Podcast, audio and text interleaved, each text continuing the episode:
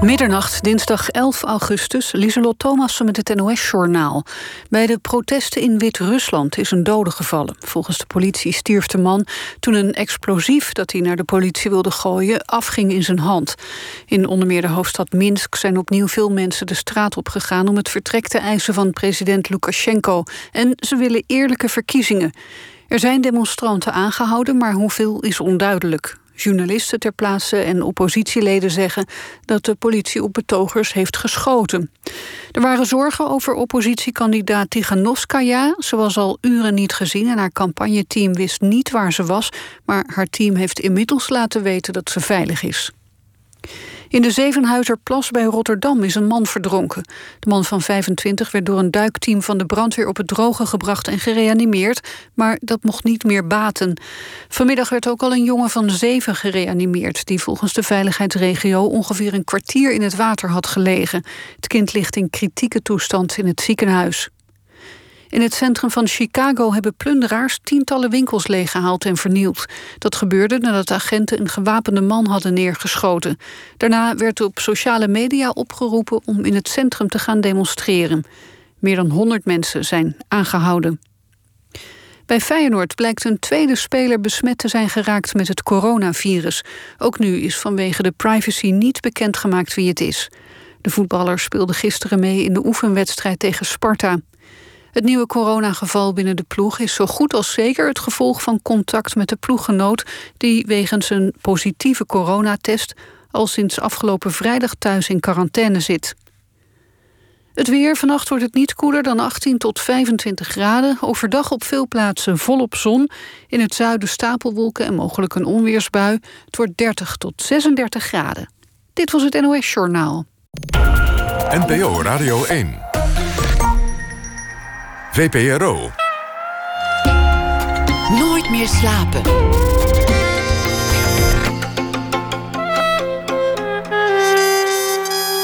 Met Lotje IJzermans. Seriemoordenaars, mafioso en bankrovers. Het zijn personages in de wereld van de zware criminaliteit waar we graag over lezen in boeken.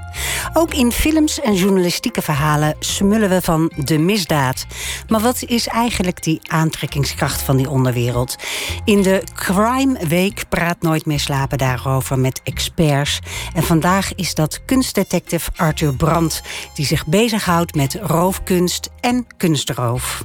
Vanaf 1 september is bij Omroep Max de nieuwe zesdelige televisieserie De Kunstdetective te zien. Waarin we Arthur volgen tijdens het thuisbrengen van, nou, onder andere een gestolen Picasso, een verloren gewaande ring van Oscar Wilde en een 650 jaar oude Iraanse dichtbundel van de Perzische dichter Hafez. Brandt is geboren in Deventer, is 49 jaar oud en behoort tot de top in zijn vakgebied. Internationaal verwierf hij grote bekendheid met de vondst van de verloren gewaande bronzen paarden van Adolf Hitler, die hij 70 jaar na dato opspoorde. Hij studeerde Spaans en geschiedenis, maar maakte geen van beide af. Hij is autodidact, kenner van kunst, antiek en munten, schrijver van tot nu toe twee boeken en een behendig speler in het grijze gebied tussen bovenwereld en onderwereld, tussen wet en criminaliteit. Toch, Arthur? Ja, ik uh, luister aandachtig. Ik dacht eerst over wie gaat het, maar dat gaat inderdaad over mij. Ja. Want het is wel een, uh, een lijst, ja. Vooral ook die twee mislukte studies die, uh, die even aanstipten. Zijn, ja, ja. eigenlijk, zijn er eigenlijk vier geweest die mislukt Oh zijn. ja, wat heb je nog meer gestudeerd dan? Ehm, ik ben begonnen met bank en financiën. Ehm, ja, je moest wat. Het waren de jaren tachtig natuurlijk. Een enorme economische crisis. Ik had lief, het liefst geschiedenis willen studeren, maar dat zat er niet in in die tijd. En nog een paar internationale betrekkingen. Uh, Spaans, geschiedenis. Enfin, ik wilde eigenlijk niet meer aan terugdenken aan die mislukte reeks. Ik heb ook ge gelezen dat je eigenlijk postbode wilde worden. Nou, ik zeg wel eens van... Uh, nou, ik had het niet gepostbode willen worden... maar ik zit wel eens uh, vanaf mijn balkon te kijken... weer in een stresssituatie van een of andere zaak... en dan zie je die postbode lopen. En dat idealiseer ik natuurlijk, want dat is ook zwaar werken. Maar dan zie ik zo'n postbode lopen en dan denk ik... goh, wat lekker zeg, gewoon zo'n brief naar binnen. Iedereen is blij, tenzij het een blauwe envelop Ja. is.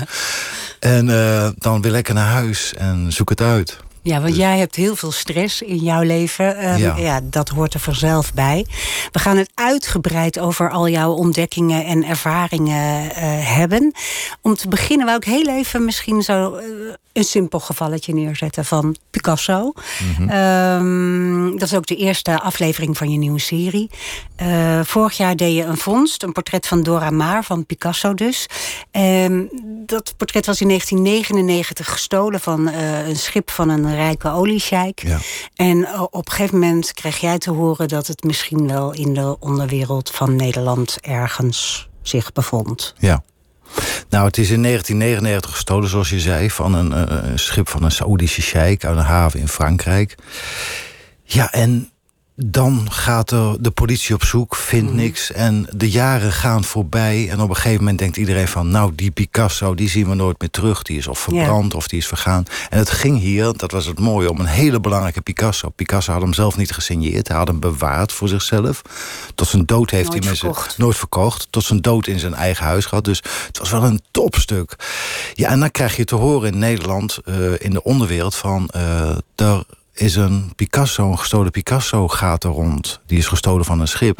Maar dan weet je nog niks, want ehm, ja, Picasso is de meest gestolen, eh, meest Ja, vervalste schilder. Ja, hij heeft zoveel geschilderd natuurlijk. Dus als je Picasso, er wordt wel van gezegd dat hij vier armen had. Die man die schilderde iedere dag een werk. Ja, en dan ben je al snel natuurlijk ook de meest gestolen. Want ja, er hangen zoveel werken. En ook de meest vervalste. Dus het, was een, eh, het heeft me heel veel tijd gekost. Eerst om te achterhalen van om welke Picasso ging dit nou eigenlijk? Ja, en dan als je dan te horen krijgt dat het om dit werk gaat, dit beroemde werk, ja, dan zet je er wel een tandje extra bij. Alleen dat wil nog niet zeggen eh, dat je hem terugvindt. Nee. En dat is uiteindelijk eh, wel gelukt. Het is een enorme zoektocht geweest. Ja, want jij krijgt dan te horen, je, krijgt, je hebt een- netwerk, eh, zowel in de boven- als in de onderwereld. En je krijgt van de onderwereld te horen, dat ding zweeft hier rond. En dan, wat ga je dan doen? Nou, dan ga je echt eerst rondvragen. Ik ben eerst bij de politie gaan vragen van... jongens, om welke Picasso gaat het? En toen zeiden ze, ja, daar gaat u... eh, er zijn duizend Picasso gestolen. Wat weten wij ervan welke jij zoekt hier in Nederland? Dus, Ja. Maar ik ben verder gaan vragen. En iedere keer kom je een stapje verder. Iedere keer kom je weer een crimineel tegen die zegt van... Arthur, heb je het gehoord? Er gaat een Picasso rond. In, eh, en iedere keer kwam er een stukje informatie bij. En op een gegeven moment kreeg ik de naam van een vastgoedman. Een quote 500, jongen. Ik ga de naam hier niet noemen. Want dan slaapt hij inderdaad nooit meer. En die had het werk waarschijnlijk in zijn bezit gehad. Als onderpand voor een betaling. Hij wist niet dat hij gestolen was. Daar is hij later achter gekomen. En ik kreeg die naam door. Nou, ik bel die man op en ik zei van... ik wil je graag zien. Dat was eh, bij een café hier in Amsterdam. En hij kwam. Maar ik wist nog niks. Ik wist niet om welke Picasso het ging. Ik wist eigenlijk niet eens zeker of hij hem al in zijn bezit had gehad. Dus wat doe je op zo'n moment als je niks weet? Dan doe je alsof je alles weet. Je gaat bluffpoker spelen. Dus ik zat tegenover hem. En je hebt één kans op zo'n moment. En ik keek hem aan en ik zeg, nou, eh, laten we hem even Piet noemen. Nou Piet, ik weet het hele verhaal over die Picasso. Ik stap straks naar de politie, maar ik wil je toch nog even de kans geven... om jouw kant van het verhaal te vertellen. Nou, Piet begint te zweten, want hij denkt, oh jee, hij weet alles. En dan begint hij het verhaal te vertellen. En dan zei hij, nou ja, die Picasso, die gestolen is in 1990, 1999. Toen dacht ik, wow. En zo beetje bij beetje kreeg ik het verhaal te horen. En aan het eind zei hij van, eh, ik heb hem niet meer. Dat was dan wel jammer. Ja. Dat was een stuk makkelijker geweest. En ik zeg, wie heeft hem dan wel? En toen zei hij, ja, Arthur, ik kan het je niet zeggen, want ehm, dat overleef ik gewoon niet. Hij heeft het gewoon doorgeschoven weer. Dus ehm, toen ging de zoektocht weer verder. Maar ik wist in ieder geval om welke Picasso het ging. En ik, hij heeft me wel een beetje geholpen, hij heeft wat namen genoemd. En dan uiteindelijk krijg je dan toch weer een telefoontje van iemand die zegt: Wij weten waar die nu zit. Ja, en dan beginnen de onderhandelingen opnieuw. En ik kan niet te veel vertellen, want het is best een spectaculaire uitzending. Maar uiteindelijk krijg je dan toch die Picasso in je bezit. En Ja, ja, ik vind het natuurlijk heel eh, interessant. Jij zegt ik wil niet veel over vertellen, maar eh, waarom wordt dat aan jou overgedragen. De politie heeft het niet kunnen vinden. Ja. Het is natuurlijk logisch dat een boef het niet aan de politie wil geven, want dan Ja. eh, eh, eh, staat zijn naam daarbij Ja. en moet hij ervoor bloeden. Maar waarom geven ze het aan jou? Waarom Nou. zeggen ze niet, we houden het lekker? Ja, je kunt er niet zoveel mee. Ehm, kijk, in, in dit geval, de Picasso was verjaard. Twintig jaar geleden, we hebben de Franse politie gebeld... en de Franse politie zei, jongens, het is verjaard... zorg maar dat die Picasso terugkomt. Ehm, maar je mag hem eigenlijk niet in je bezit hebben... want dat is nog steeds heling als je hem verkoopt. Dus je kunt er wel nat voor gaan. Wat criminelen vaak tegen mij zeggen, is... ehm, veel criminelen stelen geen kunst. Die willen helemaal geen gestolen kunst. Maar sommige jongens stelen kunst... Het komt in de onderwereld terecht en daar wordt het gebruikt als betaalmiddel. Eh, als je een miljoen tekort komt bij 4 miljoen drugsdeal, dan doe je er een Picasso bij. En geen enkele crimineel wil dat eigenlijk, maar ja, beter een Picasso dan helemaal niks. Dus zo'n Picasso gaat rondzwerven in het eh, criminele milieu. En uiteindelijk, ja, ehm, zitten ze ermee in hun maag. En wat ik vaak criminelen hoor zeggen is, ze halen vaak de, het voorbeeld aan van El Capone. Al Capone, nou ja, dat weten we nog wel, die gangster uit Chicago. Heel veel liquidaties gepleegd, eh, echt een maffiabaas. Die kon men niet te pakken nemen. En toen he- hebben ze hem gepakt op belastingfraude. Daar Ja, terwijl hij iets van eh 5000 mensen vermoord had. Precies. Ja. Dus de, de top van de top hebben ze toen gepakt op iets heel kleins als belastingfraude, levenslang de cel in. Daar zijn deze jongens bang voor. Dit zijn jongens, eh, vaak zware jongens, die allerlei zaken doen, weten niks van kunst en die worden, die worden dan niet gepakt en die zouden dan door een foutje met een een of andere gestolen Picasso zouden ze dan schilderij, ja. ja, zouden ze dan. eh, dus ja, dat, dat willen ze niet. Dus als je ze op het spoor komt. en je doet ze een aanbieding dat die ze niet kunnen weigeren. van het is of ik of de politie. ja, dan wil het wel eens lukken dat je hem terugkrijgt. Want je geeft ze geen geld. Nee, ik kan geef sowieso nooit geld. eh, Maar het kan wel zo zijn dat een verzekeringsmaatschappij. ehm, kijk, als iemand kan aantonen dat je niet bij de diefstal betrokken bent geweest. en niet bij heling of verdere. als je zeg maar ding in je bezit hebt gekregen. zonder daar iets crimineels voor te hebben gedaan. heb je soms recht op een beloning.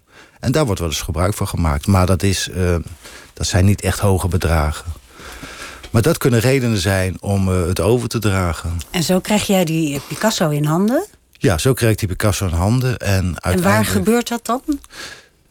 Ja, dat is echt zo spectaculair was dat. Dat eh, moet ik toch eh, eventjes voor me houden. Dat is te zien in het, eh, in het programma. Maar in ieder geval, uiteindelijk kreeg ze in plastic in vuilniszakken. Op een hele donkere plek word je ergens heen gestuurd. Laatste boom links. En dan, En dan staat daar in vuilniszakken een Picasso. ja. En dan pak jij die op en dan... En dan gauw wegwezen, want je weet nooit wie er nog achter zo'n boom staat. Dus dan gauw de auto in en dan weg. En dan naar huis. En dan zo'n Picasso uitpakken. En dan hopen dat hij echt is, hè? want dat kan natuurlijk ook vals zijn. Dat is vaak genoeg gebeurd. En dan pak je hem uit. En dan denk je van, in deze twee vuilniszakken zit of een vervalsing van 2 euro... of er zit een Picasso in van 70 miljoen. Ja, en dan staat er ook nog zo'n camera van Max in je nek te hijgen natuurlijk. Dus, eh, en dan pak je hem uit en je kijkt en het eerste streepje licht weet je dat hij echt is. Picasso knalt eruit, die hele dikke klodders. Ja, dan sta je daar je, nou ja, dan met die camerateam, maar eigenlijk in je eentje met die Picasso, waar de wereld al twintig jaar naar het zoeken is. Echt ook of, eh, politiediensten over de hele wereld. En dan sta jij erop in je eentje met dat werk. En dat is een fantastisch moment is dat. Je hebt hem boven je bank gehangen, hè? Een nachtje. Ja, ik heb wel een nacht daar eh, gehangen, want het is, eh, ja, je bent jaren op zoek. Ehm, het is ook niet zeker dat je zo'n werk terugvindt. Eh, nu weet ik dat ik hem heb teruggevonden, maar dat is natuurlijk een proces. En voor hetzelfde geld vind je hem niet terug. Het is ook niet zo dat je er rijk van wordt. Je weet dat hij de volgende dag terug moet. Je weet ook dat het de volgende dag wereldnieuws is. Ja, dan zit je daar met die Picasso en dan denk je... dan haal je je, of je eigen eh, werkje van de muur af. En dan hang je hem erop. Ik zou toch verwachten dat er, dat weet ik veel, dat dat onder escorten gaat met politiebegeleiding. Dat er een verzekeringsman al, al klaar staat op het Ja. moment dat jij dat. Hè, Nou, dat, begon de volgende, dat was de volgende dag ook. Maar ik had tegen hen gezegd dat ik pas de volgende dag het werk zou, uit die vuilniszak ergens achter een boom uh, vandaan te halen. Dus ik had er even een tijd uh, tussen. Je wilde alleen, ja. even alleen met Dora Maar. En toen ik dat later vertelde, natuurlijk tegen de politie en de verzekeringsmaatschappij... ze ook met een hoofd te schudden van jongens, jongens, jongens. Maar ja, het moest gewoon even. Ja. En eh, je zei net van uh, heel veel criminelen die willen er eigenlijk niet. Hè? Die hebben dat in de maag gesplitst gekregen. Ja. Maar er zijn ook andere criminelen die het als chantagemiddel gebruiken, toch? Kunst. Ja. Om een, een, lichtere straf af te dwingen. Zo van ja. uh, als ze gepakt worden, geef mij twee jaar strafvermindering, dan krijgen jullie van mij een oude meester. Dat is dus het probleem tegenwoordig. Het is een paar keer gebeurd in Nederland. We hebben in de jaren negentig Kees Houtman, die is later geliquideerd hebben gehad. Die heeft een paar gestolen van Goghs ingeruild voor strafvermindering. Hmm. Daarna heeft Octave Durham, de beroemde Van Gogh over... heeft in 2002 twee Van Goghs gestolen. Wilde die aan Cor van Hout verkopen. Cor van Hout ging akkoord, maar uh, Cor van Hout werd geliquideerd... een dag voor de overdracht. Uiteindelijk is het terechtgekomen bij de Italiaanse maffia... maffiabaas in Napels. En die heeft ze ingezet als strafvermindering. En de vergocht die dus nu is gestolen in Laren, onlangs. Uh, ik riep vanaf het eerste moment, jongens, dit is weer een copycat. Die gaan voor de derde keer proberen een Van Gogh in te zetten. Als strafvermindering. Ze roven een Van Gogh, ze zoeken een top-maffiabaas erbij... die problemen heeft met justitie. En ze verkopen die Van Gogh. En als die maffiabaas of die, die topcrimineel het nodig vindt... dan kan hij hem inzetten als strafvermindering. Ja, het is een soort uh, vrijkaart. Verlaat de gevangenis. Uh, ja, zonder te betalen. Ja. Ga terug naar betalen. Dus dat is nu het ja. uh, geval. Dat riep ik van dag één. Nou ja, en niet veel later kreeg ik natuurlijk. Ehm, ik weet niet of, of je dat nog kan herinneren. Maar ik heb een tijdje geleden foto's Foto. gekregen. Ja, ja. proof of life. Dus in één keer een foto van die gestolen van Gogh. Met aan de linkerkant een New York Times. Om te laten zien dat zij echt toegang hadden tot die, tot die van Gogh. En aan de rechterkant... Ja, en de datum, hè, zodat je ja. kon zien dat het een recente foto Precies. was. Precies. Ja. En aan de rechterkant het boek van diezelfde Octave Durham... waarin hij beschrijft waarom hij die Van Gogh destijds heeft geroofd... en aan wie hij hem verkocht heeft. Dus ze lieten wel zien van... Uh, we weten precies wat we doen. Want en ik dat had was gezegd, eigenlijk een begin voor jou om te gaan zoeken? Want die roof is pas uh, vanaf 30 mei maart of zo, was het? het, Was maart, het? 30 mei, ja, dat is een paar maanden In oud. het Zinger in Laren. Die Ja. hadden Van Goghs in bruikleen van uh, het Groninger Museum. En daar, werd, daar werden ze weggehaald. Ja, er kwam iemand binnen en, uh, s'nachts met zo'n uh, breek of zo'n hamer. Die slaat dwars door die deur heen. Slaat door nog een deur heen. En die loopt met die Van Gogh naar buiten. En die rijdt weg op een motor. En de volgende dag was het wereldnieuws natuurlijk. Ja. Van Gogh gestolen in Nederland. Ja, en ik dacht die ochtend van jeetje, het is gewoon op 25 kilometer van mijn eigen huis notabene. Dus ik zag het wel een beetje als een uh, belediging. Dat ze dachten van, uh, we jatten er gewoon een. Uh, dus ik ben echt van dag één de, de hele dag eigenlijk al mee bezig met deze zaak. Ja, jij dacht, dit, dit laat ik niet gebeuren. Die, hier moet nee, ik uh, werk dus van ik, maken. ik verdacht als eerste Octave Durham natuurlijk. Want Ja. die had het al een keer eerder gedaan. Dus ik bel Octave op, want ik ken hem natuurlijk. Uh, het is, uh, we zitten in dezelfde wereld. Hij is mijn tegenstander, mijn opponent. Maar ja, uh, je kent elkaar wel. Dus ik bel Octave op. Ik dacht even checken waar hij ze uithangt. Maar hij had een uh, goed alibi, want hij, hij lag in het ziekenhuis. Maar uh, ja, dat is wel een, uh, een zaak die waarschijnlijk erop uitdraait... weer dus strafvermindering voor een, uh, een crimineel. Maar kijk, uh, van die Picasso kan ik me voorstellen... want die misdaad is verjaard. Dus Ja. de politie heeft dat losgelaten en daar komt Arthur Brandt. Ja. Maar in dit geval, die, die, die diefstal is nog maar een paar maanden geleden. Dus Ja. ik neem aan dat de politie er nog mee bezig is, of niet? Absoluut. Ja. Uh, de politie is er heel erg druk mee bezig. En, uh, maar dat wil niet zeggen dat... Uh, kijk, ik, ik word natuurlijk gebeld. Zo'n zo'n rechercheteam die zit er ook maar een beetje mee in zijn maag. Want die, normaal gesproken doen ze moord en doodslag. In één keer zit je met een Van Gogh. Uh, je hebt wel een team in Nederland uh, van kunst en anticriminaliteit. Een goed team, maar dat is ook vrij klein. Dus ja, ik heb me er wel vanaf dag één mee bemoeid. En uh, de recherche of de politie heeft ook wel door van... Uh, de prioriteit moet toch zijn om die Van Gogh terug te halen. Ja, want dat is het. Hè? Het gaat niet zozeer om die eh, dief Nee. Te berechten. Daar gaat het natuurlijk ook wel om. Maar de grootste prioriteit is dat ding terug. Nou, ik kan je het voorbeeld geven van de kunsthal. Misschien uh, herinneren de luisteraars zich dat nog wel. Ergens 2009 dacht ik. Uh, heel veel belangrijke schilderijen gestolen uit de kunsthal. De daders zijn toegepakt. De- Lucien Freud onder andere. Lucien Freud, ja, fantastisch werk. Ja. Maar die, toen die daders werden gepakt, de moeder van een van de jongens... die dacht, oeh, mijn zoon is gepakt. Ik In moet het Roemenië, bewijs, hè? Ja, in Ja. Roemenië. Ik moet het bewijsmateriaal Ja. vernietigen. Dus die is s'nachts een kerkhof opgegaan, want daar lagen ze begraven, die werken. Heeft ze opgegraven en in eh, de oven gegooid. Dus dat is een typisch geval van... ehm, ja, je pakt de dieven wel, maar de kunst is verdwenen. En dat is ook echt zo. Dat, dat, dat, nou, dat heeft, is ook maar de vraag of het allemaal ze heeft niet is. al die schilderijen in de oven gegooid, Nee, toch? ze zegt van wel, maar ik betwijfel dat. Daar ben je nog mee bezig. Bezig, ja. Dus dat is, maar ja, dat is dus zo'n geval dat je denkt van... poeh, jongens. Kijk, en zo'n roof ook in, in Laren... Er, is- er, is een, er is niemand vermoord. Er is geen geweld gepleegd. Ehm, het gaat om een Van Gogh. Dus vanaf dag één zijn we bezig... proberen om het werk terug te krijgen. En daarna kun je altijd nog druk gaan maken... om eh, wie, wat, hoe, hoe laat en waarom. Maar de, de, de, het onderzoek van jou en het onderzoek van de politie... dat zit elkaar niet in de weg. Jullie werken samen hierin. Dat zit elkaar in ieder geval niet in de weg. Laat ik dat, eh, laat ik dat voorop Ja. stellen. Ik, ik zag in de aankondiging van de nieuwe serie... dat, dat, dat deze Van Gogh dat dat een uitzending wordt. Ja, Dus ja. Ik dacht, dat is een beetje eh, vooruitlopen op de vondst. Want die is er nog niet, toch? Nou, we hebben hem op de, de laatste datum gezet. Dus de laatste uitzending wordt er van Gogh. Want we hebben hem nog, als we hem terugvinden... hebben we natuurlijk wel even zo lang mogelijk de tijd voor nodig. Want het is niet zo dat je... Meestal vind je, als die al terugkomt, zo'n werk... is het meestal pas na 10, 12, 15 jaar. Als die dus terugkomt. Want ook vaak komen ze nooit meer terug. Nee, maar goed, die foto met de New York Times en het boek van Okkie Durham... Ja. doet denken dat ze wel iets willen. Ja, en ehm, nou ja, ik, ik zei al... ik ben er toch wel dag en nacht mee bezig met die zaak. En eh, ik heb wel een behoorlijk beeld nu. Kun je daar iets meer over vertellen? Even goed nadenken wat ik kan vertellen. Want, ehm, laat ik het zo zeggen. Er is een dader geweest natuurlijk. Als het verhaal klopt, hè, wat we het net over hadden. Dan is er, er is een inbraak geweest. Er zijn tussenpersonen geweest. En uiteindelijk is er dus een crimineel geweest... die dat ding dan kocht om voor strafvermindering. En ik denk wel dat ik eh,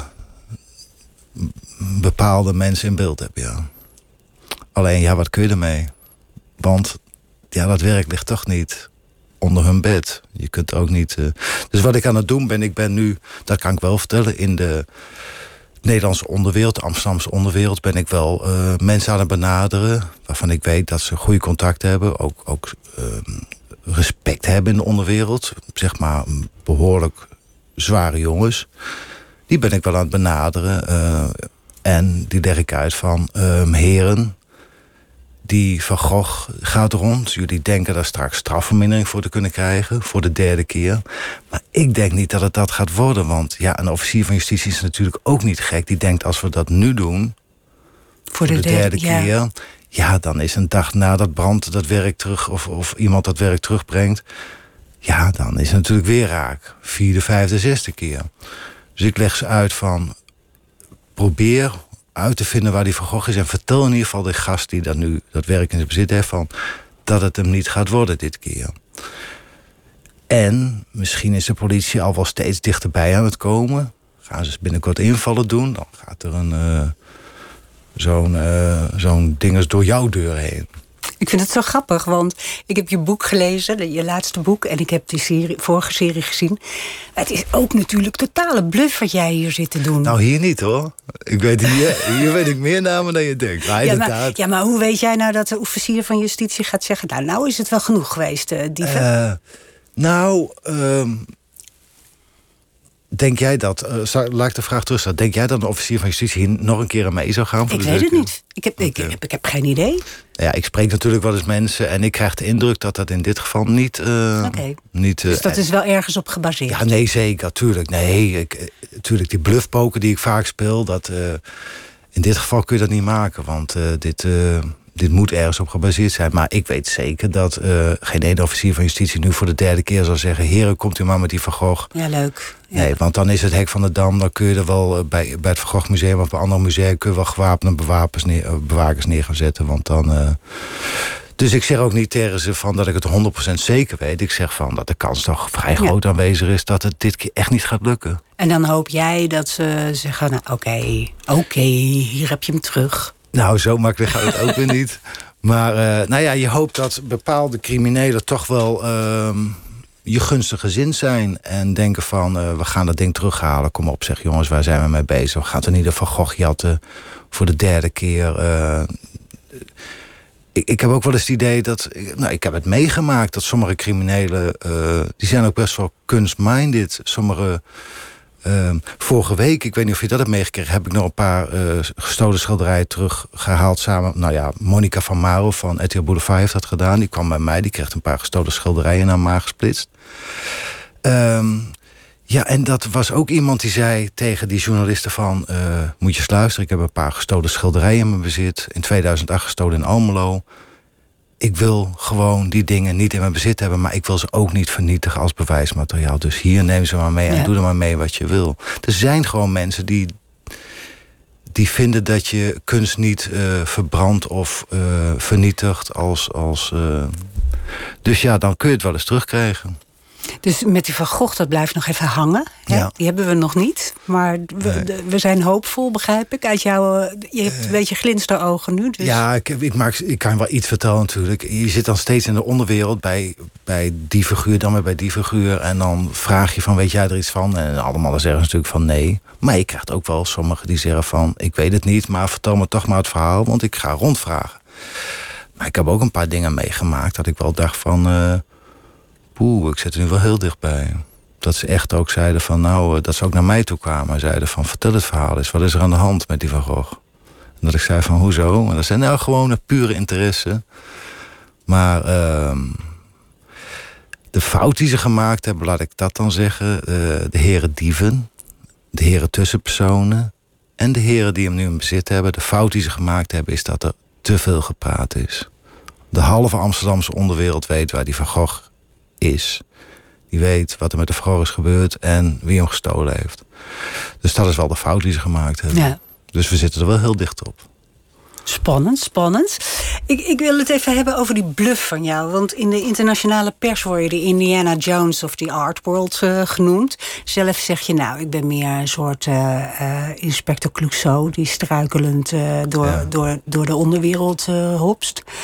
Um, je liet me net jouw telefoon zien. Nou, dat is een Nokia van voor de oorlog, volgens mij. Ja, uh, voor de Eerste Wereldoorlog. Ja, ja, echt een hele oude. Je hebt, niet, uh, je hebt geen rijbewijs, je gaat met de bus. Je bent wel eens met een uh, opgetrommelde Dali uit de bus gestapt. Um, is, is het handig om zo'n beetje klungelig imago te hebben? Helpt dat? Want je bent natuurlijk gewoon heel gewiekst. Want anders was ja, je... dat, ik weet niet of dat zo is. Um, het is, het is moeilijk. Uh, mijn, mijn leermeester, Michel Verijn, een van mhm. de grootste kunstcriminelen die later de goede kant is opgegaan uit de geschiedenis. Die zegt altijd, Arthur, van iedereen denkt dat je uh, zo'n kluns bent, maar ik trap daar niet meer in, zegt hij altijd. Maar ja, ik weet niet, dus de waarheid zal ergens in het midden liggen. Ik, ik weet wel dat ik met heel veel zaken. Je hebt mijn laatste boek gelezen, dat, dat beschrijf ik ook wel in hoe vaak ik gewoon de plank volledig missla. Ja, en uit de boom valt als je, als je aan het spioneren ja, dat bent. Soort dingen, dat soort dingen. De, de, gekste dingen maak je mee. Ook continu door de mand valt. En, uh, maar ik denk dat dat ook de, de werkelijkheid is. Als je met regisseurs praat neem een voorbeeld CSI, die, die serie CSI. Er is geen regisseur die zegt van zo gaat het in het echt. Dat zijn films. In het echt is het vallen en opstaan. Mislukkingen. En uh, ja, dat maak ik dagelijks mee. Ja, maar ik dacht dat, je, dat het een soort uh, imago is... waarmee je dan eigenlijk aan, de, aan iedereen laat zien... dat je een soort van te vertrouwen bent. Hè? Aan, de, aan de, de, de criminelen hebben niet veel van jou te vrezen... in de zin van jij loopt niet met een geweer rond of zo. En de politie die, die ja, hetzelfde eigenlijk. Het is een ideale tussenpositie. Ja, nou ja, je moet natuurlijk. Uh, kijk, je moet niet. Uh, er zijn wat privé-detectives die kwamen dan in een Porsche voorrijden of zo.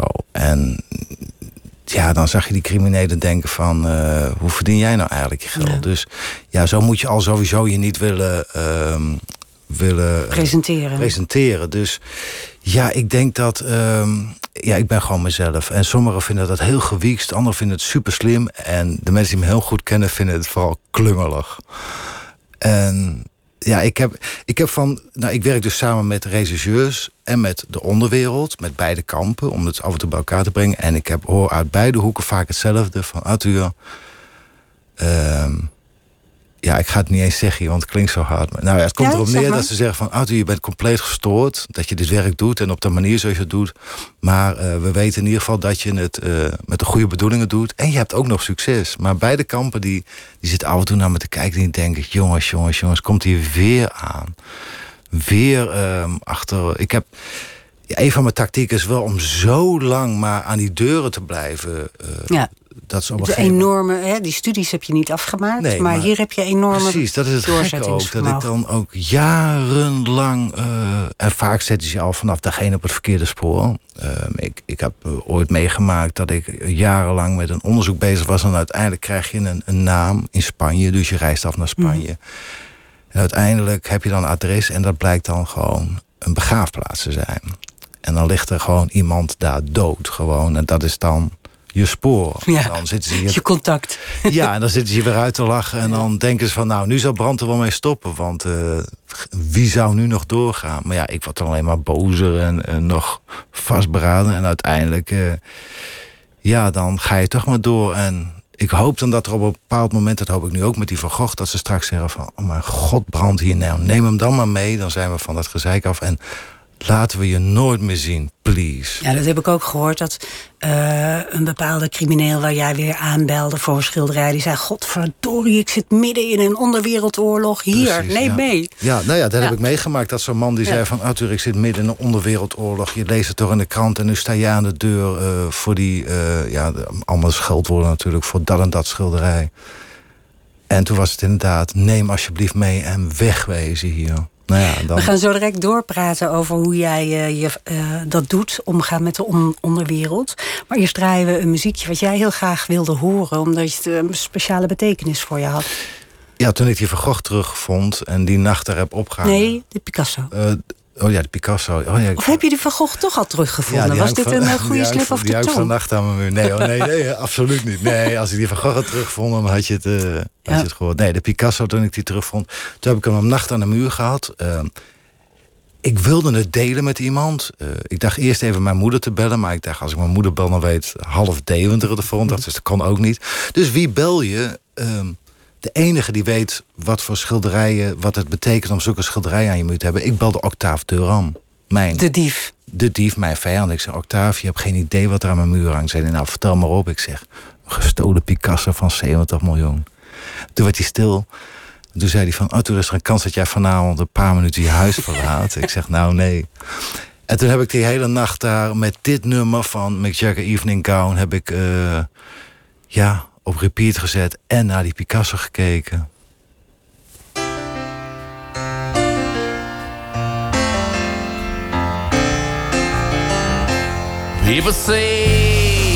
I'm high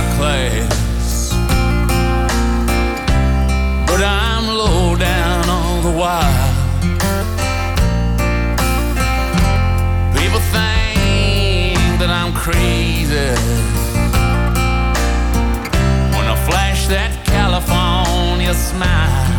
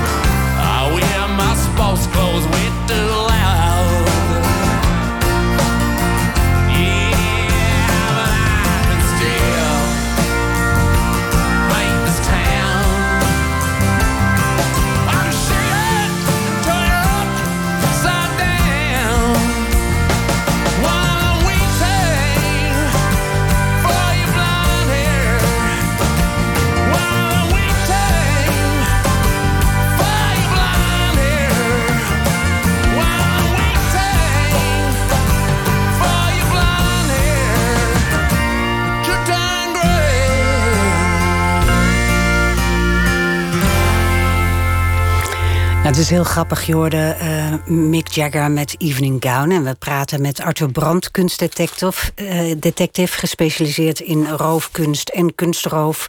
En uh, Arthur is eigenlijk super hard bezig om van Gogh terug te... En zelfs tijdens de plaat hè, heb je zoiets van... ah ja, en we zitten heel dichtbij. Ja, en je bent helemaal vroeg, opgewonden. Jij vroeg ook behoorlijk door natuurlijk. Maar ik kon, ik kon natuurlijk toen de microfoon uit was... kon ik je wat meer vertellen. Maar... Ja, ik zwijg als het graf natuurlijk. Hoe uh, is jouw liefde voor kunst ontstaan? Uh, nou, het was eerst de haat voor kunst eigenlijk. Oh? Door mijn vader. Die, die sleepte me natuurlijk als klein kind... mij en mijn broertje mee naar ieder museum.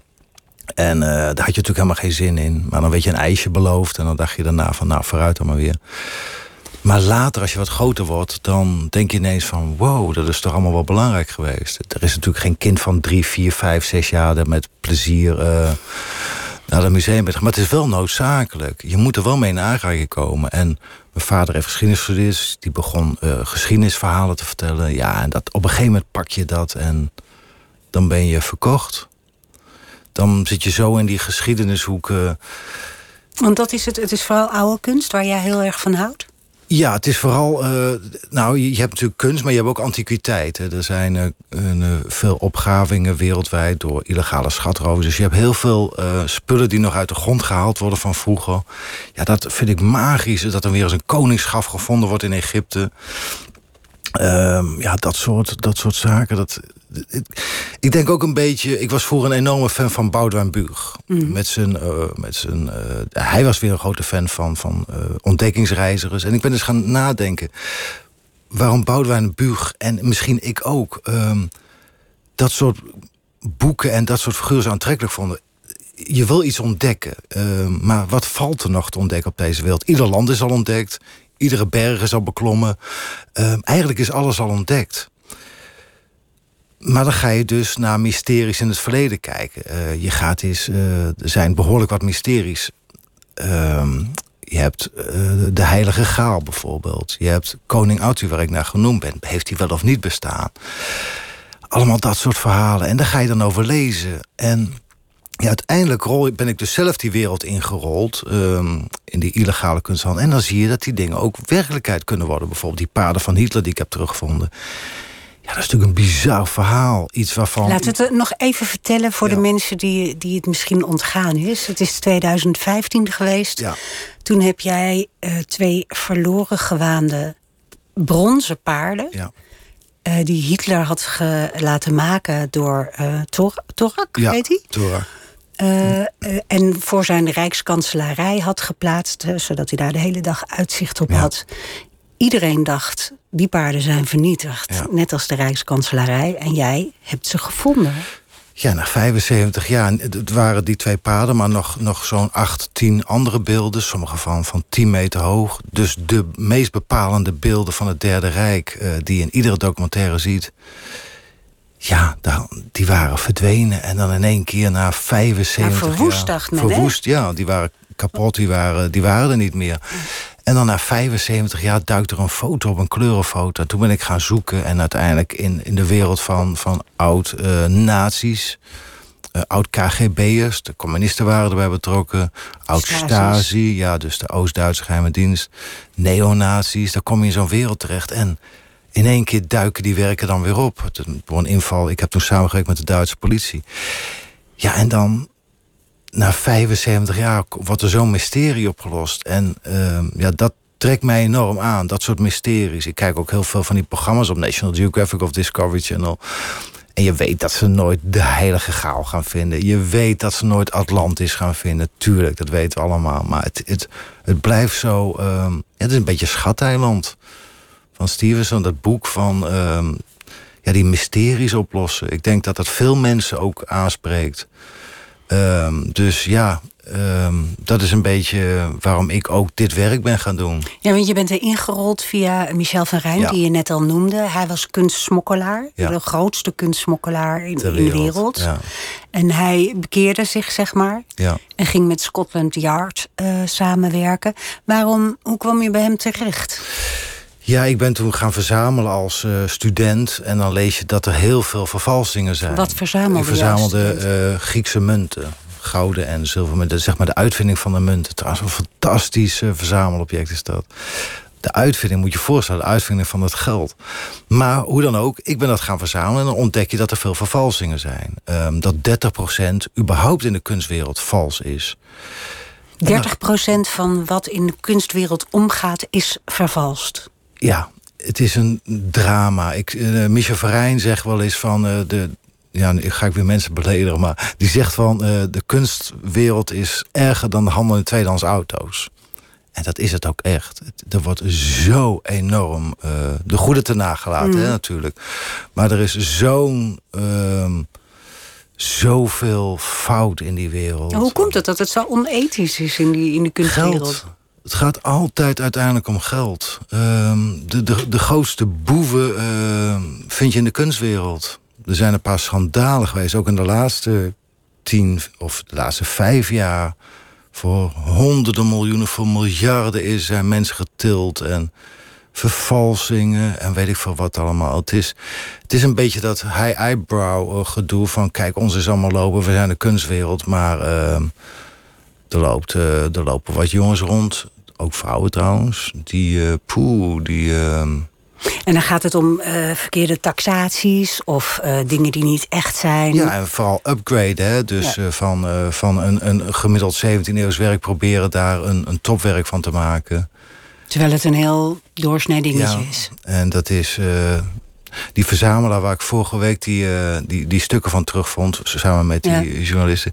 Die, die, ik las een interview met hem in de krant... en die zei van hij was gestopt met uh, kunst verzamelen... want de, alle kunsthandelaren die hij in zijn leven was tegengekomen... was één grote boevenbende.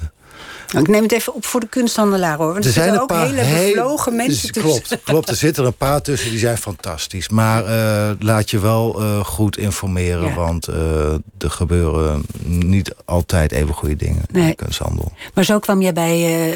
ja, dus ik dacht van waarom heeft niemand het over die 30 procent? Ja. Um, waarom houdt men zijn mond? En dat is natuurlijk omdat je je eigen nest niet wil bevuilen. En uh, ja, ik heb hem toen een e-mail gestuurd. Hij woonde in Engeland en hij zei van kom eens langs. En toen kwam ik langs daar. En ja, dat was magisch daar. De, de, de, eerste twee, drie dagen dat ik er zat. Ik heb de FBI langs gekomen. Scotland Yard. Topcrimineel. Hij was toen al bekeerd, zeg maar? Hij ja, hij was toen, toen al aan de goede... maar misschien ook nog wel met één teen in die andere kant. Mm -hmm. uh, en ja, uh, de topsmokkelaars kwamen langs, de vervalsers. Uh, ja, dan zit je daar als student in een hoekje. Hoe oud was je?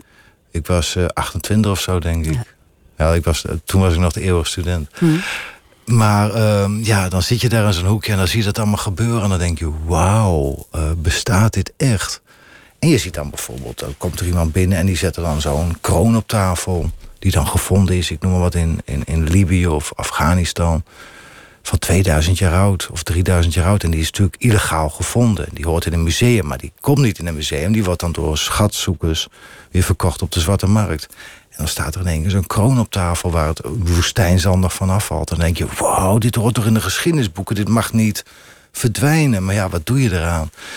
En dat zie je er allemaal gebeuren. En toen dacht ik van, ja, hier moet ik echt uh, in blijven. Want dit is tikkeltje Indiana Jones, Dan Brown uh, verhalen. En, ja, precies. Ja, en uiteindelijk uh, ben ik mijn eigen weg erin gegaan. En uh, ja, dat in de nieuwe serie, dat zul je ook zien. We hebben, uh, we, we, hebben met de top van de Nederlandse onderwereld te maken. Internationale onderwereld. We krijgen ook in deze serie weer een geheime dienst achter ons aan. Dit keer de Iraanse geheime dienst. Dat was ook geen pretje. Um, dus je krijgt... Um, dat was naar aanleiding van de dichtbundel van... Ja, uh, ja. Ik, uh, de, terwijl ik op camera een interview heb uh, voor die zaak... krijg ik dus een, een, een sms'je binnen van de Duitse politie... dat de Duitse geheime dienst ehm, aanwijzing had... dat de Iraniërs naar Nederland kwamen om dat boek van mij afhandig te maken. De Iraanse geheime dienst. Dat gebeurt het dan boek had van Haves. Ja, en dat krijg je dan live op de. Oh, dat, dat, live voor de camera gebeurt dat allemaal. Dus dan sta je wel even met die camera, maar we stonden toevallig onder de brug. En hij zei: Wat gaan we nu doen? Ik zeg: Ja, wat gaan we nu doen? Ik ga even niet naar huis. Dus dan ben je de Nederlandse politie, daar heb je het erover. Maar ja, dat soort. Uh, dat soort tegenstanders heb je in. in ja, dus je hebt uh, af en toe tegenstand van, van geheime diensten, van landen. Eh, maar het meeste, als ik, ook als ik jou zo beluister. eh, je hebt natuurlijk ook museumdirecteuren, hè, want zij Ja. zijn eigenlijk de slachtoffers Ja. voor wie jij optreedt. Ehm, maar het meest heb je toch te maken met de criminele wereld. Ja. Eh, een van die museumdirecteuren die zei: de kwaliteit van Arthur is dat hij zo goed de ethiek van de criminele wereld begrijpt. Ja. Eh, want hoe is dat om om te gaan met allerlei criminelen? En hoe zorg je dat je zelf niet gecorrumpeerd wordt? Ja, nou, kijk, het is, wat heel veel mensen zich niet realiseren is... Een, een, een boef, een crimineel, als die ruzie heeft met een andere crimineel... die kan niet naar een advocaat stappen. Want je kunt moeilijk zeggen, ja, we hebben ruzie over een partij drugs. Wat, wat, meneer de rechter, wat vindt u er nou van? Ja. Dat kan natuurlijk niet. Dus eh, die gaan op de vuist, die bedreigen, die schieten. Dus ehm, er zijn bepaalde codes in die onderwereld. En dat heeft me jaren gekost natuurlijk om die aan te voelen. Maar inmiddels... Geef eens eh, een voorbeeld van zo'n code. nou, een code is, een van de codes, je vraagt nooit naar hoe is het met je vrouw of hoe is het met je kinderen. Want het wordt gelijk als een bedreiging gezien. Oh ja, want dat doen ze in The Godfather ook. Ja, precies. Ja. Je, je hebt gewoon nooit te nimmer zeg je van, hé, hey, hoe is het met je vrouw? En dan is het gelijk van, wat is het met mijn vrouw? Of, hey, eh, dus dat is al een voorbeeld. Een ander voorbeeld is, je stelt nooit, eigenlijk nooit een vraag.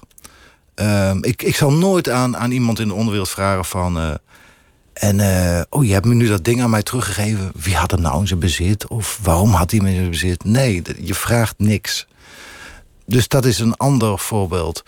Ehm, ja, er, er zijn zoveel van die hele kleine codes, heel fijnzinnige codes die, eh, waar je aan moet houden. En hoe heb je die leren kennen dan?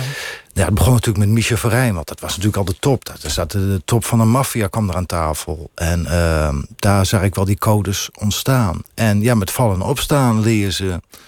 ehm, ja, dus Octave Duran bijvoorbeeld, die kent al die codes. Die heeft al die jaren in die wereld gezeten. Nou, ik zit, ik zit af en toe met hem op het terras. Hij is nu gepensioneerd. Eh, hij doet die dingen niet meer. Gepensioneerd als dief. Als dief, ja. En eh, dan zit je daar bij elkaar en ik leer ook nog die codes van hem. En ehm, ja, ik denk dat hij die codes eh, nu wel onder de knie hebt, maar het is een heel fijngevoelig wereldje. En ja, je kan zo de, de mist in gaan. Ze nodigen elkaar ook nooit thuis uit. Hè? Want de gouden regel in de onderwereld is van... je vriend van vandaag is je vijand van morgen. Ik ken jongens die al 10, 15 jaar met elkaar optrekken... allerlei slechte dingen doen, maar niet van elkaar weten waar ze wonen. Maar hoe kan jij je nou staande houden in die wereld? Nou, een van de dingen die ik dus doe is... ik nodig ze wel thuis uit. Als teken van, moet je eens luisteren... als ik laat zien waar ik woon... dan toon ik jou eigenlijk al bijvoorbeeld aan... dat ik je niet ga besodemieteren. Want anders, als ik je besodemieter... je weet waar ik woon... en dan sta je dezelfde avond nog met weet ik veel wat voor mijn deur. Dat is een teken, of dat is een manier die ik gebruik om vertrouwen te winnen. Ehm, inmiddels ben ik natuurlijk wel ietsjes verder al. Ik heb al een paar grote zaken gedaan. En er zijn criminelen die mijn hulp hebben gevraagd... om van iets gestolen af te komen. Of ik was hen op het spoor en die zeiden van... Arthur, we hebben er niks mee te maken, maar we willen er wel vanaf. Maar zorg dan wel dat we ook dan niet nog alsnog problemen krijgen. Zoals die man vorige week dus, eh, Ja. met die schilderij. Nou, als je dat dan daarvoor zorgt... dan denken die jongens wel van... oké, nou, Brand heeft zijn woord gehouden. Eh, Bij een volgende zaak kun je dus een, een volgende iemand uit de onderwereld... kun je doorverwijzen naar die andere mannen en zeggen van... nou, praat maar eens met hem. We hebben netjes allemaal opge- opgelost. Dus eigenlijk goed netwerken en goed laten zien dat je... Nou, je hebt altijd een tussenpersoon nodig die garant staat voor je. Ik ben nu bezig met een zaak, en dat is ook die van Gogh-zaak, maar ook een andere zaak. Dan moet je met bepaalde mensen praten in de onderwereld. Sommigen zitten ondergedoken in het buitenland, sommigen kom je niet eens bij in de buurt. Eh, ja, en wat zoek je dan? Dan zoek je iemand in de onderwereld die jou vertrouwt, die zij vertrouwen, en die vraag je dan: wil jij zorgen dat er een gesprek komt? dus voor het is een soort gids, een soort intermediair. Ja, nou, die staat wel garant. Hè? Als, als ik ze dan zou besodemieteren, dan heeft hij wel een probleem. Dus, ehm, maar met mensen waar ik anders nooit bij aan tafel zou komen... als er iemand is met standing, zeg maar, in de onderwereld... die zegt, ik heb met Brand samengewerkt... Brand heeft een zaak voor me opgelost... in samenwerking met de politie is allemaal netjes verlopen... Ehm, wat mij betreft kunnen jullie met hem eh, in zee... of in ieder geval zijn verhaal aanhoren dan gebeurt dat. Anders kom ik nooit eh, met, die, met die gasten Ja. in, in gesprek natuurlijk. En soms is het inderdaad net als de Godvader, ja. En nu je dat zegt, eh, inderdaad heel veel van die, van die codes... Ja, die herken ik wel. Ben je nooit bang? Want in, in, in je boek schrijf je ook van dan komt er een geblindeerde auto voorrijden en dan stap je in. En, Ja. en, en, en mannen, gemaskerde mannen in bosjes. En ja, dingen waar ik toch in mijn broek zou schijten. Ja, nou ja, met die Haves had ik dat wel een beetje. Die Iraanse geheime dienst dat die eh, daar be- bezig was. Maar ehm, op een gegeven moment kom je erachter dat de tegenpartij, tussen aanhalingstekens, de criminelen of de onderwereld, vaak banger zijn voor mij dan ik voor hen. Ze zien, als ik met ze afspreek, achter iedere boom zien ze een rechercheur. Ehm, iedere helikopter die boven ze vliegt, denken ze van die maakt opnames eh, van bovenaf. Dus ja, zij zijn eigenlijk banger voor dat soort. eh, en ja, wat ik ook nog. Wat ik merk ook, kijk, ik, ben, ik ga achter kunst aan. Ik, ik probeer niet een moord op te lossen. Of ik probeer ze niet te pakken op, op 100.000 kilo, eh, weet ik veel wat, waar ze mee, allemaal mee lopen. Dat doet de politie. Of, of een Peter de Vries doet dat, of een John van Heuvel. Ik bemoei me alleen met kunst. En ehm, Maar ben Ja. je nooit bang geweest voor je leven? Eh, jawel, af en toe. Nou, voor me, ja, af en toe heb ik wel gedacht van poeh, dat ging maar net goed. Ehm wel een paar keer gebeurd, ja. En waarom toch? Wat is de, de, de, de, de Ja. essentiële drive om dit te doen? Het is de kick, het is de adrenaline. ehm, ja, als je dan uiteindelijk die paden van Hitler, als die teruggevonden worden, of die Picasso, of dat je in één keer die ring van Oscar Wilde om je vinger hebt. Ehm, of hopelijk binnenkort dat, dat je die van Gogh, de lentetuin, in je handen hebt. En dan even een nacht aan je muur hangt. En dat niemand het weet, behalve Octave Durham. Dat je hem toch even wil teasen van kom maar proberen dat ding te stelen, want ik sta je op te wachten. Dat spel, dat is, dat is zo Ja, ja. ontzettend... eh, Dat dacht ik al, dat het toch ook een soort spel voor Ja. je is. Ik denk dat het uiteindelijk een spel is, een schaakspel. Want, eh, en is dan de grote prijs, is dat dan het kunstwerk terug of winnen van de boeven? Nee, dat, dat is grappig, want ik probeer altijd daarna het weer bij te leggen. Ehm, met, de, met wie? Ja, met, met de. Met de boeven. Ja, een goed voorbeeld. Een van de allergrootste kunstvervalsers uit de Nederlandse geschiedenis is Robert Driessen geweest. Die vervalste Giacometti's. Eh, ik heb met de Duitse politie hebben hem proberen te ontmaskeren. Ehm, hij zit nu in Thailand en ehm, ja, we hebben wel eens contact en dat is heel vriendelijk en gezellig. En dan praten we over het vak. En dat heb ik ook met andere jongens waar ik mee te maken heb gehad. Ehm, het, is, het is niet persoonlijk. Eh, je Ik probeert- krijg een beetje het beeld nu van twee boksers in de ring.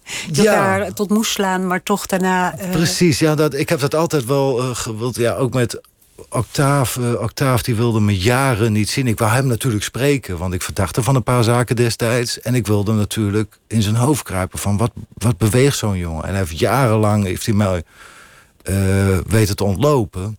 En uiteindelijk kom je elkaar tegen op straat. En dan ontstaat er een gesprek. En dan eindig je op een terras met een biertje. En dan denk je van, goh. En je zag Octaaf denken van, jeetje, ik heb altijd op die, op die brandlopen schelden die kunstdetector. Maar nu zit ik tegenover hem, ach, het is ook wel lachen. En eh, dan schiet je ook beide in de lach, want je kijkt elkaar aan. Je jaagt, ja, hij probeert al jaren mij voor te blijven. En ik, ik probeer hem jarenlang te vangen. En we zaten daar zo met een drankje tegenover elkaar. En hij kijkt maar en hij zegt, en hij schiet in de lach. Hij zegt, hoe ben ik in godsnaam met jou het terras terechtgekomen? Nou, dat soort dingen... ehm, Is, het, is het niet gevaarlijk om, om eh, bevriend te zijn met iemand die, die eh, helemaal echt in die wereld zit? Nou, het kan ook juist eh, helpen dat het minder gevaarlijk is. Ehm Omdat- be- bevrienden is een groot woord natuurlijk. Hè. Je respecteert elkaar omdat je ehm, in hetzelfde speelveld zit. maar Eh, ben je nooit bang dat jij zelf overstag gaat voor Oh, groot geld? Of, nee, eh, dat. eh, nou, ik zou je, ik zou je wat vertellen wat heel gek is. Ehm, dat ik veel vertrouwen win van ook die kant, even, Mm. natuurlijk van de politie, maar ook van die kant, is juist omdat ik dat soort dingen niet doe. Als criminelen ergens een hekel aan hebben, is zij worden altijd be- beschouwd als overvallers, inbrekers. En terecht natuurlijk, want je, je stelt niet eens zijn een ook fiets. wat- overvallers en Precies. inbrekers. Maar zij zeggen wel eens, Octave heeft wel eens tegen mij gezegd... Arthur, ik ging huizen binnen s'nachts. Niemand heeft me ooit gezien. En dan haalde ik wel wat weg daar. En dan, als ik gepakt werd, kreeg ik twee jaar. Ik zeg terecht. Hij zegt ja, terecht. Maar je zou het moeten weten hoeveel mensen in de bovenwereld... die spullen kochten. De nette mensen met de witte boordencriminelen. Of bankdirecteuren die voor honderden miljoenen hebben geroofd... en minder straf kregen dan Octave, die één huis binnenging. En je merkt aan hen dat zij ehm, het waarderen als mensen zoals zeg maar jij en ik, die dus aan de goede kant staan, ook echt goed zijn. Dus niet stiekem als ze de kans krijgen, gelijk. Oké. ehm, daar hebben ze een godschuwelijke hekel aan. Dus die zuiverheid eh, wordt wel eh, gewaardeerd. precies, want, ze kunnen, want eh, zij worden dan bekeken als criminelen... maar dan zien ze dus zeg maar de, de normale burgerij... die dan op hen neerkijkt. Maar stiekem als ze de kans krijgen... de boel ook leegrooft. Op een andere manier en daar spugen ze op. En daar spuren ze op. Ik, ik heb nog honderd dingen te bespreken, maar, we, maar het uur is alweer bijna voorbij. Een van de dingen die ik heel even aan wil stippen toch nog was... dat ik had begrepen van Mira, onze redacteur... die Mhm. eh, met jou een gesprek heeft gehad... dat een van de redenen waarom je angst hanteerbaar is... is omdat je enorm hypochonder bent. Ja, oh, wat leuk dat ze dat nog eventjes erin gooien. ja, nee, dat is... ehm, ze vroeg van, eh, ben je wel eens bang? En ik, ik, ik zei, nou, ja, ik, ik heb wel eens erover nagedacht... eh, waarom ik niet zo bang ben naar dat situatie. En sommige luisteraars zullen dat herkennen. Ik, ik ben een tikkeltje hier begonnen. Dat is natuurlijk half Nederlanders hier begonnen. Maar Ja. ik heb wel eens dat ik eh, door de week denk van... oeh, daar ga ik. Eh, daar komt Dat je er- denkt dat je een hartaanval hebt. Bijvoorbeeld, ja. Nou, eh, en ja, als je dat af en toe meemaakt... ja, ik denk dat sommige luisteraars dat wel herkennen. Dan denk je van, wie doet me nog wat? Ja. Dus als je dan tussen een paar criminelen zit... en je hebt net zo'n aanvalletje gehad, een uur daarvoor... Je bent al dood gegaan, je bent al je- je 3000 bent doden eh, gestorven. ja, en, dus Ja. Dat, eh, en, en het gekke is, Michel Verijn had dat ook. Ja. Die heeft dat nog honderd keer erger dan ik. Die, die heeft dat tien keer per dag. En die kent gewoon geen angst. En daarom is hij ook zo groot geworden in die wereld. Die ging er maar doorheen. eh, als een olifant in de porseleinkast. En ik heb me wel eens afgevraagd, hoe kan dat? Maar die man ging gewoon tien keer per dag dood. En ja, dan zit je in één keer aan tafel met zware criminelen. Desnoods met een pistool. Maar ja, je Ja, je, je hebt toch net een hartaanval en je hebt het overleefd. gehad. Ja. Je hebt al, nou, jij, jij hebt het volgens mij ook wel een tikkeltje. Want jij, ja, kijk, je knikt. Je weet waar ik het Ehm, over hebt. Het uur is voorbij. Even, ik, ik begon het uur met van het is Crime We- Week in, in, in Nooit meer slapen. Hè. Waarom vinden wij allemaal deze verhalen zo heerlijk? Weet jij het antwoord? Ja, ik heb er wel eens over nagedacht. Ehm, ergens hebben we natuurlijk allemaal een donkere kant in ons. En niet dat we crimineel willen worden, tuurlijk niet. Maar eh, we willen, ehm, ja, het is... Soms is het natuurlijk ook wel leuk als je op een feestje van de Tegen des Heils komt. Fantastisch, allemaal nette, deugdzame mensen. Maar het is ook wel leuk als, als er een keer een Octave Duran eh, even erbij komt... om een biertje te drinken, om zijn verhaal te horen. Het is toch wel de spanning, zeg maar. Eh, Ja. Ik denk dat dat het is, een beetje de spanning... die er dan... die wij missen, zeg maar, de, Ja. de normale mensen in ons Want, want jij, bent, jij ziet jezelf ook eigenlijk vooral als verhalenverteller, toch? Eh, ja. Maar eh, om nog even terug te komen, heel kort. Eh, ik heb een keer een crimineel gesproken die zei van... jullie normale mensen, die gaan dan van een brug afspringen aan een touwtje... eh, aan zo'n bungee jump om een beetje... hij zegt, dat is, toch, ja. dat is toch niet normaal, zegt hij. Van, wat zij maken natuurlijk iedere dag de gekste dingen mee. Maar jullie moeten dan, eh, om nog een beetje de kick te krijgen... gaan jullie van een, een bruggetje afspringen met een plastic aan, een, aan zo'n elastiekje... Ja. En ik denk dat dat het een beetje is, ja. Dat, eh, dat iedereen toch een beetje die, die spanning zoekt in zijn leven. Nou, jij in ieder geval. Ik wil je heel erg eh, danken voor, voor je komst hier en je prachtige verhalen. En ik ben ontzettend benieuwd of je die eh, Van Gogh te pakken krijgt. Ik denk het wel eigenlijk. Ehm, vanaf 1 september is je serie te Ja. zien bij Max op de televisie. De kunstdetective. Morgen meer misdaad dan ontvangt Tjitske Musje Carina van Leeuwen. Zij werkte als een van de eerste vrouwelijke forensische rechercheurs en schrijft thrillers. Straks op deze zender Miss Podcast. Misha Blok praat daarin met vechtsporter Marloes Koenen. Dankjewel Arthur Brandt. Tot morgen. Radio 1. Het nieuws van alle kanten.